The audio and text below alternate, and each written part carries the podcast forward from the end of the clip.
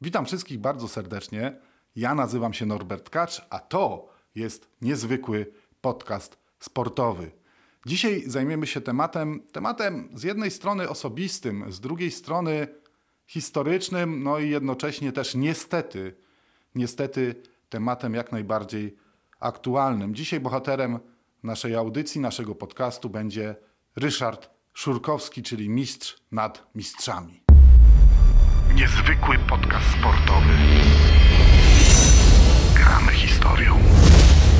Mowa oczywiście o naszym wielkim mistrzu kolarskim, e, który i to jest e, swego rodzaju fenomen, o który, który będę próbował Wam wyjaśnić. Ja wiem, że większość z Was zapewne Szurkowskiego albo tylko lekko kojarzy, a jeżeli interesuje się dyscypliną sportu niezwykle piękną i wyczerpującą, jaką jest kolarstwo, zapewne też go zna, ale podobnie jak i ja, mimo że jestem gdzieś tam z pokolenia, które jeszcze pamięta czasy komuny, no nie widzieliśmy, nie mieliśmy tej przyjemności na żywo oglądać Ryszarda Szurkowskiego. Niektórzy z nas tylko mieli okazję oglądać reprezentację Polski, której był trenerem, między innymi w Seulu, a o tym też będziemy mówić później.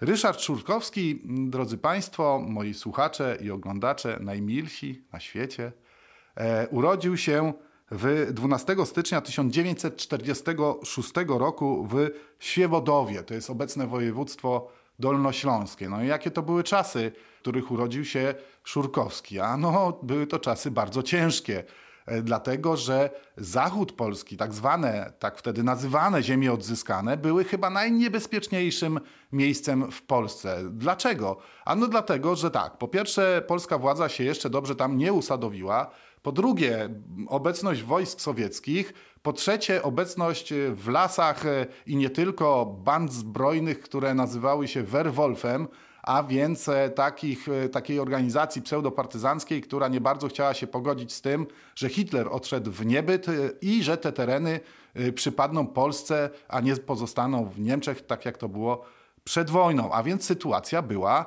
no, bardzo, bardzo skomplikowana i bardzo, bardzo ciężka. E, Szurkowski urodził się w y, rodzinie wielodzietnej, więc e, no nie było, nie przelewało tam się, jeszcze biorąc pod uwagę te czasy, o których y, tak tylko napomknąłem, no to już w ogóle wyobraźcie sobie, jaka to była, jaka to była ciężka sytuacja. E, jeżeli chcecie sobie troszkę przybliżyć ten temat, oczywiście w takiej formie nieco może przerysowanej, chociaż z drugiej strony mm, nie bardzo. Obejrzyjcie sobie koniecznie y, film, y, który właśnie w sposób westernowy traktuje, ale nasz dziki zachód, a nie ten, e, ten amerykański. Film nazywa się Prawo i Pięść y, z Cholubkiem w roli głównej. Ze świata czterech stron, z jarzębi nowych dróg teraz powinno gdzieś w tle pójść, lecieć, grać piosenka z tego filmu Edmunda Fettinga pod tytułem Nim wstanie dzień. Wstaje dzień. Rodzina była wielodzietna, Szurkowskich, ale taka bardzo ambitna, jeżeli chodzi o wychowanie E, swojego potomstwa, dlatego że Ryszard e, Szurkowski poszedł do liceum ogólnokształcącego we Wrocławiu i to liceum ukończył, a później uczył się dalej w Akademii Wychowania Fizycznego, również we Wrocławiu i również tęże akademię ukończył. E, został trenerem kolarstwa. No i teraz skąd to kolarstwo? Ano chciałbym teraz Państwa poinformować, że Kolarstwo wtedy to był absolutny fenomen kulturowy, fenomen społeczny. To był, no nie waham się teraz użyć tych słów, to był y, chyba sport numer jeden wtedy w Polsce. To było coś nieprawdopodobnego. Szaleństwo y, całkowite i totalne. Wszędzie, w, niemal w każdej wiosce działały kluby kolarskie. No, to, co, to było coś, co owładnęło y, absolutnie głowami Polaków. To było szaleństwo y, dokumentne. To były tłumy na trasie wyścigu pokoju, o którym będę opowiadał. To były tłumy który, dzieciaków, y, młodzieży, które chciały to kolarstwo uprawiać i, i jakbyśmy chcieli przyrównać popularność y, kolarstwa w tamtych latach i, i później do dzisiejszej na przykład siatkówki, a nawet piłki nożnej, no to kto wie, ale chyba by te dyscypliny z tym kolarstwem wtedy y, przegrywały.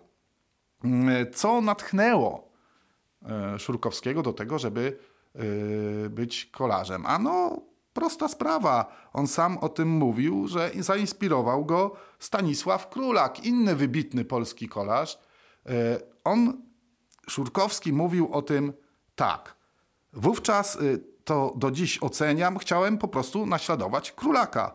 Po prostu mieć rower i ścigać się, także wygrywać. Moja wyobraźnia nie sięgała wówczas tak daleko, by myśleć o tym, by zostać reprezentantem Polski, e, by dumnie w biało-czerwonej koszulce jechać po szosach i drogach świata, aby zostać olimpijczykiem, by zostać mistrzem świata. No więc teraz może trzy słowa o tym, kto zainspirował Szurkowskiego, kim był ten Stanisław Królak, dla tych oczywiście, którzy nie wiedzą, a ci, którzy wiedzą, no to brawo, kciuk do góry podniesiony dla was. Y, Boguś, ty wiesz, kto to był Stanisław Królak? Nie, Boguś nie wie, ale zaraz go uświadomię, tak jak i, tak jak i was.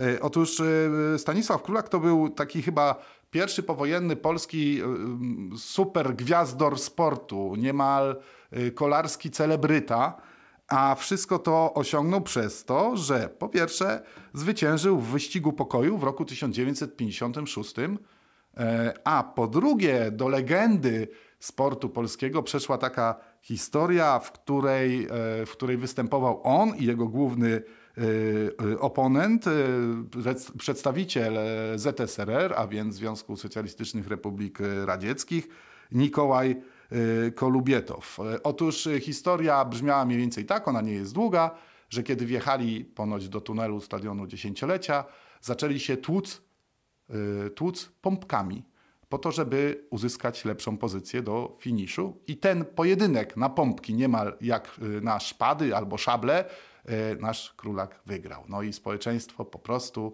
przez to, że zwyciężył w wyścigu pokoju i przez to, że zwyciężył w tym najsłynniejszym pojedynku na pompki w historii Polski, przeszedł do legendy absolutnie i on właśnie zainspirował młodego Szurkowskiego do tego, aby jeździć na rowerze, interesować się kolarstwem, no po prostu chciał być jak Stanisław Królak. Niezwykły podcast sportowy. Historią. O tym, że kolarstwo w Polsce było wtedy y, absolutnym y, fenomenem społecznym, fenomenem kulturowym, y, to już powiedziałem. E, co za tym idzie, nieprawdopodobnym wydarzeniem w, e, w życiu sportowym Polaków aż do końca y, komuny, aż do 89 roku był wyścig pokoju. Wyścig pokoju był w głowach naszych, bo ja jeszcze załapałem się teraz tak brzydko powiem na pokolenie, które ten wyścig pokoju oglądało z wypiekami y, na twarzy. Y, ja osobiście pamiętam pod koniec lat 80., jak uciekałem ze szkoły po to, żeby pójść na trasę wyścigu pokoju i ustawić się w tłumie i zobaczyć tych kolarzy, którzy, bo tam nie było żadnej premii lotnej ani, ani niczego takiego, po prostu tylko tak mignęli. Siu! I pojechali, ale człowiek czekał na to chyba ze dwie godziny jeszcze pod kosztem, pod groźbą oczywiście yy, konsekwencji, no bo ze szkoły uciekał, a raz pamiętam, że nawet nauczyciele dali nam wolne specjalnie po to, żeby na yy, ten kawałek trasy wyścigu pokoju Y, się udać i obserwować przez chwilę tych y, herosów, bo ci, którzy występowali w wyścigu pokoju, no to byli absur, absurd, absolutnie herosami y, dla nas dokumentnymi, zwłaszcza Polacy. Nie będę teraz mówił o tych nazwiskach, ale przecież ktoś taki jak Piasecki czy Halubczok, no to te nazwiska są wszystkim fanom kolarstwa doskonale w Polsce znane. Może nawet bardziej e, Szurkowski się tym wszystkim interesował, to go wszystko brało. No i postanowił e, jeździć na e, rowerze, no i okazało się, że jest genialny. Okazało się, że jeździ fenomenalnie, tylko to też jest takie wyjątkowe w historii jego życia, że on na samym początku jeździł jako niezrzeszony, jeździł jako amator z normalnymi sportowcami w peletonie, którzy trenowali w jakichś klubach. A on był zupełnie wolnym takim człowiekiem, który przychodził z rowerem i jechał w wyścigu i był dodatkowo fenomenalny w tym, co robi. E, on e, zaczął brać udział w kolarskich e, wyścigach w roku 1963. Pierwszym jego klubem, bo później już zaczął trenować w klubach, był dopiero Radomiak, który jakby był w konsekwencji służby wojskowej, którą w Radomiu odbywał i tam zaczął jeździć. Później przy, wrócił do swojego, do, na swoje rodzinne strony, a więc do Wrocławia i startował w klubie Domel Wrocław. E, a to, że był niesłychany, że był nieprawdopodobnym fenomenem, e, no to obrazuje tylko to, że mm, zanim rozpoczął swoją szosową wielką karierę, zdobywał Mistrzostwo Polski w kolarstwie przełajowym i wicemistrzostwo Polski w kolarstwie górskim. No rzecz niesamowita jak na człowieka, który dopiero wchodzi w ten do świata wielkiego, wielkiego sportu. W roku 1960 nadchodzi swego rodzaju przełom w jego karierze, dlatego że trener Henryk Łasak wypatruje go i wciąga go do kadry narodowej i przekonuje go jednocześnie, że powinien kontynuować swoją karierę właśnie w kolarstwie e, szosowym. E, jest w kadrze. No to jest już nieprawdopodobne wyróżnienie i to, że ma niesamowity, niezwykły fenomen w nogach, w głowie e, świadczy o tym, że kiedy pierwszy raz wystartował w wyścigu pokoju, od razu z miejsca zajął w tymże wyścigu drugie miejsce. Niezwykły podcast sportowy. Wyliczanie jego sukcesów e, to jest istna mordęga dla dziennikarza każdego, czy człowieka, który chciałby opisywać jego życie. Dlaczego jest to mordęga? Ano dlatego, że czytanie listy sukcesów y, może zająć y, niejednokrotnie i nawet cały dzień. Dlatego jest to mordęga. Tak wiele tych sukcesów osiągał. Ja w skrócie tylko, dużym zaznaczam, y, opowiem może co zdobywał i, i, gdzie zapisał się w kartach e, wielkiego sportu, w kartach e, światowego kolarstwa i tutaj tego słowa światowe używam z pełną, całkowitą premedytacją, żeby to było jasne. Otóż e, był on cztery razy zwycięzcą wyścigu pokoju. Dlatego zaczynam od wyścigu pokoju, dlatego że w wyścigu pokoju on był absolutnym bogiem kolarskim. No i ranga tego wyścigu pokoju. Naprawdę w tamtych czasach dla Polaków e, wyścig pokoju był ważniejszy niż Mistrzostwa Świata, ważniejszy niż e, nawet Igrzyska Olimpijskie. E, to było coś niesamowitego. Ktoś powinien się tym zająć i, i wytłumaczyć młodzieży, o co chodziło z taką małyszomanią do potęgi entej, że użyję po raz kolejny w naszych podcastach porównania właśnie do tego okresu w życiu sportowej y, Polski. Cztery razy wygrywał w roku 1970, w roku 1971, 73 i 75.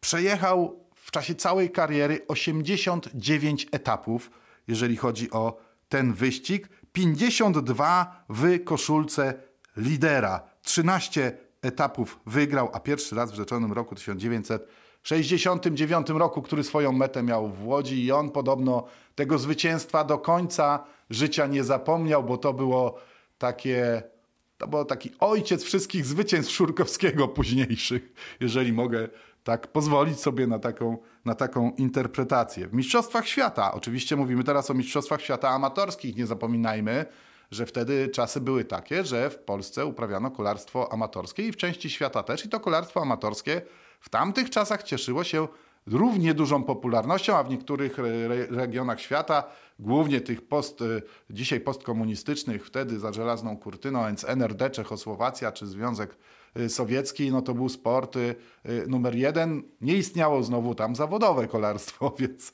więc e, nie, nie było konkurencji, ale tak jeszcze zanim przejdę do tych mistrzostw świata i, i tego, co, co on w tych mistrzostwach świata dokonał, to powiem, że na podstawie tych wszystkich e, zdobyczy medalowych, tych wszystkich sukcesów, Szurkowski bezsprzecznie był uważany przez kawał swojej historii e, zawodowej za najlepszego kolarza amatorskiego na świecie, który mógłby spokojnie odnaleźć się w świecie zawodowym i kto wie, czy w tym świecie zawodowym on nie byłby również najlepszy. Ja w to wierzę przynajmniej.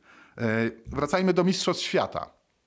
Otóż on w Mistrzostwach Świata w 1973 roku w Barcelonie, 1973 roku, przeżywał chyba swój najlepszy okres, dlatego że on e, tam po pierwsze zdobył złoty medal z, ze startu wspólnego. E, fenomenalna sprawa, niesamowita, zaledwie e, no może się pochwalić tym w Polsce jeszcze tylko no, bardzo nieliczne grono zawodników.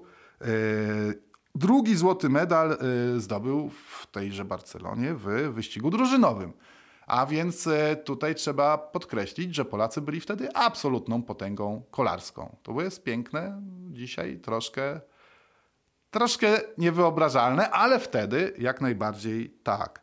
E, do tego w roku 1974 na Mistrzostwach Świata w Montrealu e, z, znowu zdobył medal, tym razem srebrny, ze, start, ze startu wspólnego, a przegrał z innym Polakiem, bo mistrzem świata, tak a propos tych, którzy zostali mistrzami świata, został e, Janusz Kowalski. No, Polska, jeszcze raz podkreślam, absolutna potęga kolarska. No, nieprawdopodobna sprawa. Jesteśmy jak teraz jacyś Włosi, nie wiem, Hiszpanie, czy inne narody, które są narodami bardzo kolarskimi. E, I 75 rok, Francja Ivoire, Ivoire, nie wiem czy dobrze wymawiam, przepraszam wszystkich tych, którzy się interesują językiem francuskim, e, ale najważniejsze dla mnie jest to, że on, nie tylko on, ale cała drużyna Polaków, tam również zdobyła złoty medal Mistrzostw Świata. No to zobaczcie Państwo, te lata 70., pierwsza połowa, no to przecież my nokautujemy wszystkich e, absolutnie, a najbardziej nokautujemy tych naszych bezpośrednich rywali, a więc e, Rosjan, wtedy oczywiście ZSRR, no i e, rywali z Czechosłowacji, którzy też świetni byli, no i prześwietnych kolarzy z Niemieckiej Republiki Demokratycznej, a więc z NRD. I wydawałoby się, że w Igrzyskach Olimpijskich też jak najbardziej powinniśmy zdobywać medale złote i w, indywidualnie, i w wyścigach drużynowych. Niestety jest taka klątwa Igrzysk Olimpijskich, jeżeli chodzi o, o, tak jak wielu wybitnych sportowców, którzy przeszli gdzieś tam do historii światowego sportu. Akurat Igrzyska Olimpijskie, tam im się nie udało zdobyć złotego medalu, mimo że byli prawie stuprocentowymi faworytami. Yy, popatrz, znowu wspomniany wcześniej Adam Małysz na przykład, e, startuje na igrzyskach medalowo, że tak powiem, ze zdobyczami medalowymi dwa razy. Na igrzyskach w Monachium zdobywa srebro w 1972 roku z drużyną i w 1976 roku e, w Montrealu też zdobywa srebro z drużyną. No i dlaczego ta klątwa? Nie tylko klątwa dotycząca samego występu na igrzyskach, że nie przywieziono złota z tego złotego okresu polskiego kolarstwa, ale też i klątwa olimpijska, bo przecież na innych, w innych wydarzeniach e, wygrywaliśmy z nimi, klątwa zawodników ZSRR, dlatego że właśnie z nimi dwa razy przegraliśmy złoto na Igrzyskach Olimpijskich. Niezwykły podcast sportowy. Gramy historią. Pięć razy Ryszard Szurkowski był mistrzem Polski indywidualnie. Również był mistrzem Polski w wyścigach górskich. Trzy razy mistrzem Polski w e, wyścigach parami. I gdybym chciał jeszcze wymieniać inne jego zdobycze, no to musiałbym taką garścią rzucić tymi medalami tutaj w stronę kamery, mikrofonu oraz mojego wspaniałego operatora i realizatora Bogusia, taką łapą, jaką ma kokosz, taką wielką łapą, żeby mi te, w tej wielkiej łapie te wszystkie medale się po prostu zmieściły i tytuły i honory, jakie osiągał w kolarstwie. Ale mam nadzieję, że to, co powiedziałem już teraz o tych jego wynikach, e, e, no to pokazuje skalę jego talentu i skalę geniuszu Ryszarda Szurkowskiego, sportowego, a zaraz się przekonacie, że nie tylko sportowego, ponieważ to był człowiek instytucja. To był człowiek, który tworzył nie tylko historię polskiego kolarstwa, ale w ogóle chyba historię polskiego mm, sportu. E, jedna ciekawostka jest związana tylko, oprócz oczywiście tych spraw związanych z, e, mm, z Igrzyskami Olimpijskimi, ciekawostka dotycząca Tour de Pologne. Otóż e, wiadomo, że wtedy wyścig pokoju rozkładał na łopatki Tour de Pologne. Tour de Pologne było tym wyścigiem mniej popularnym, chociaż starszym, no i dzisiaj oczywiście jest wyścigiem numer jeden w Polsce. I nie tylko w Polsce, bo jest jednym z ważniejszych wyścigów w Europie, to na pewno. Otóż, e, mimo że należy do Ryszarda Szurkowskiego rekord wygranych etapów 15 w całej karierze, nikt nie wygrał więcej etapów w historii Tour de Pologne, długiej historii, z brodą. Teraz tak zrobię tutaj, prawda, z brodą. Dla tych, którzy nie widzą, to właśnie się pogłaskałem po swojej brodzie. E, otóż, e, mimo że należy do niego rekord, tak jak powiedziałem, 15 zwycięstw, to on nigdy nie wygrał Tour de Pologne całościowego, że tak powiem. Też swego rodzaju fatum, nie ma co. W 1980 roku ogłasza koniec kariery, e, długiej kariery reprezentacyjnej. W, te, w roku 1982 e, ogłasza koniec kariery klubowej. Jego ostatnim klubem, w którym e, jeździł, był klub sportowy Polones Warszawa. Mm, niedługo później, z racji tego, że no, na świeżo jest po, po, po tych jego sukcesach, ogromnych sukcesach, zostaje trenerem kadry narodowej. To są lata 1984-88. No i cóż, geniusz wychodzi, można powiedzieć, z każdej strony jego chwalebnego ciała, że tak się wyrażę. Dlatego, że ta reprezentacja odnosi oszałamiające sukcesy. E, Piasecki e, wygrywa wyścig pokoju, a później zostaje mistrzem świata. A w Seulu na Igrzyskach Olimpijskich w 1988 roku pod jego wodzą reprezentacja zdobywa srebrny medal y, w drużynówce.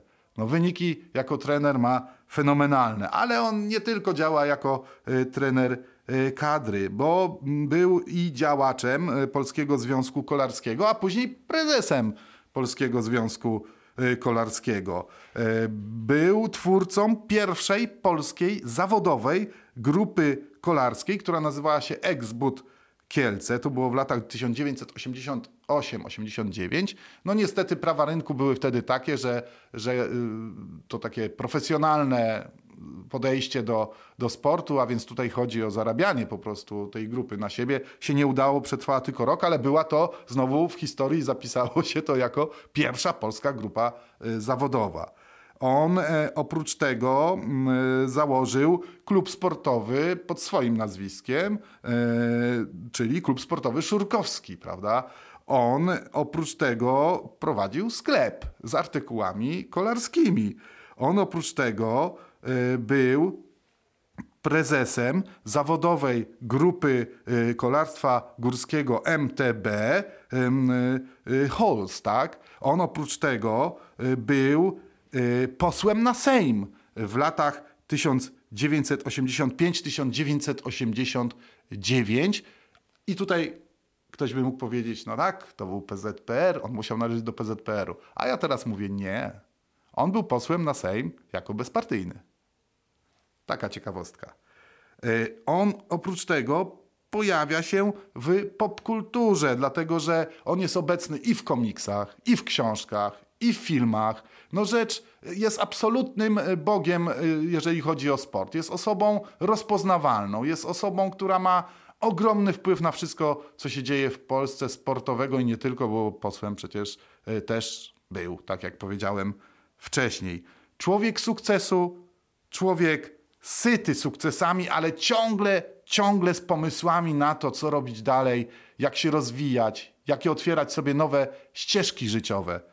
Wydaje się, że człowiek szczęśliwy, ale niestety jego życie także było naznaczone ogromnymi nieszczęściami. Niezwykły podcast sportowy. Gramy historią. Nad jego życiem ciążyło jakiś fatum. I to jest rzecz bezsporna, bo spotkała go kilka rzeczy, które, których mógłby uniknąć. Mógłby jeszcze żyć do dzisiaj, funkcjonować, gdyby nie pewne wydarzenia, o których za chwilę opowiem. Ale pierwsza rzecz to jest rzecz, która go w sposób najokrutniejszy, w sposób najstraszniejszy połączyła z wielką polityką, z wielką historią, tym razem niesportową. Otóż chodzi o 11 września 2001 roku, zamach na wieżę World Trade Center.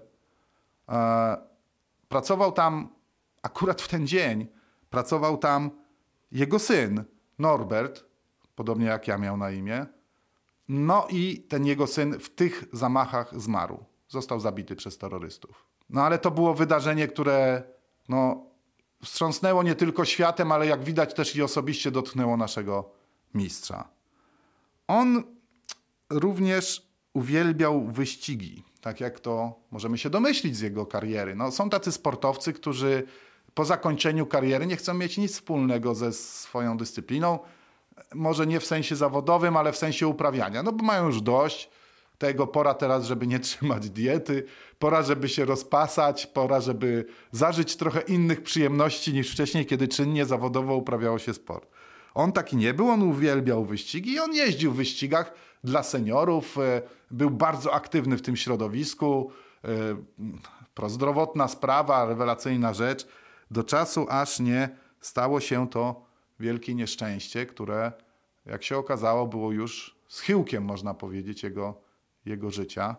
Otóż 10 e, czerwiec 2018 roku taki wyścig Rund um Köln, w Köln, oczywiście w Niemczech, 126 km do przejechania. Jechał razem z kolegami z takiego zespołu Szurkowski Team. I to, co się stało, ja teraz zacytuję z wywiadu, którego udzielił Krzysztofowi Wyżykowskiemu. Tak mówił o tym wydarzeniu sam Szurkowski. To, była to było kilka kilometrów przed metą. Szeroka ulica i niesamowite tempo. Około 40 km y, na godzinę. Zbliżaliśmy się do wysepki. Większość kolarzy jechała prawą stroną, ale dwóch przede mną chciało prawdopodobnie ominąć wysepkę z lewej. Szczepili się kierownicami i w ułamku sekundy leżeli obaj. Kraksa. Niby nic specjalnego, ale nie miałem szans. Fiknąłem nad kierownicą, uderzając twarzą w asfalt.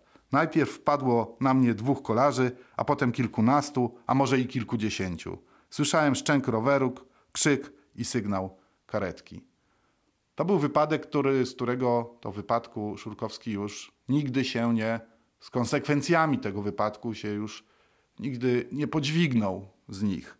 E, on przeszedł, ja już teraz nie chcę wchodzić w makabryczne szczegóły po prostu tej kontuzji, ale e, to było, przeżył operację twarzy na przykład siedmiogodzinną, tak tylko dam tutaj zasygnalizuję. E, jemu wstawiono tam płytki tytanowe w twarz. E, gorsza, wydaje się to makabryczne to stwierdzenie jest, ale wydaje się, że gorsza sytuacja była z kręgosłupem, dlatego że miał e, czterokrotne porażenie kończyn, czyli miał niedowład e, i nóg, i, i rąk. Jeździł na takiej, na wózku jeździł, sportowiec, mistrz Polski, jeszcze pół roku wcześniej, jeszcze miesiąc wcześniej od wypadku, człowiek super sprawny, człowiek, który 126 km na rowerze jechał, proszę Państwa, w, w, takim wieku seniorskim. No, teraz to jest dla nas młodszych trochę problem, żeby 126 przejechać na, na rowerze, tak? I to w warunkach takich jakichś nawet górskich czasami.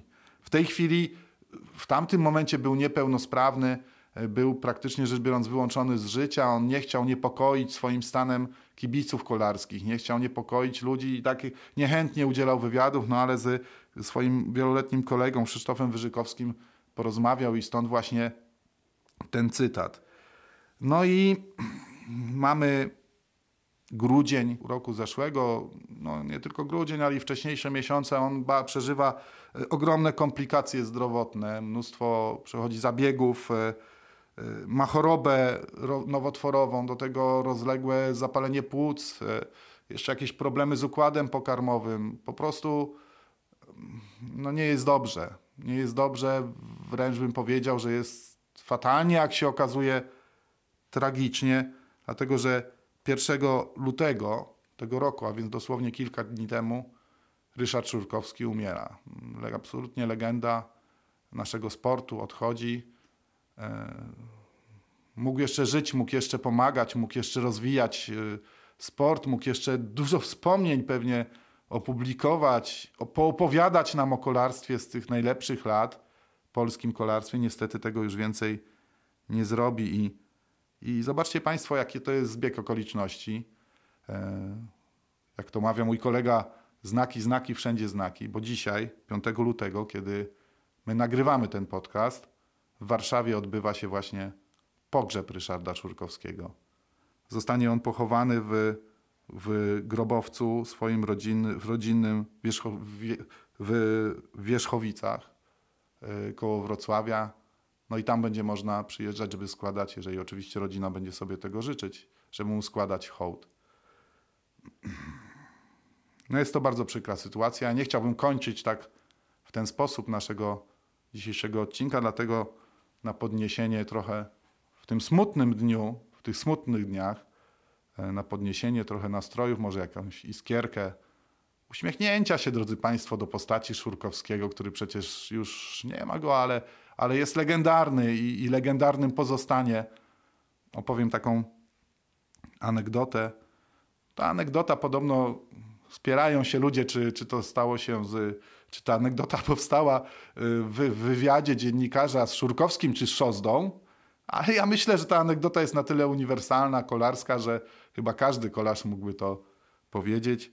Otóż pytamy, w związku z tym, że wspominamy Szurkowskiego, no to Ryszarda Szurkowskiego pyta redaktor, wie pan, pan zwiedził, przejechał różne kraje, obejrzał cały świat, i miasta, i góry, i, i, i, i wioski, i, po równinach pan jeździł, koło jezior, koło mórz.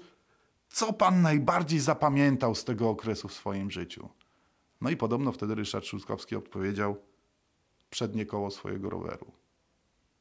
To tak na pocieszenie dla, dla wszystkich i z takim trochę śmiechem przez łzy. Pamiętajcie o Ryszardzie Szurkowskim, bo był to człowiek sportowiec genialny. To był niezwykły podcast sportowy. Opowiadał historię Ryszarda Szurkowskiego Norbert Tkacz. Niezwykły podcast sportowy. Gramy historią.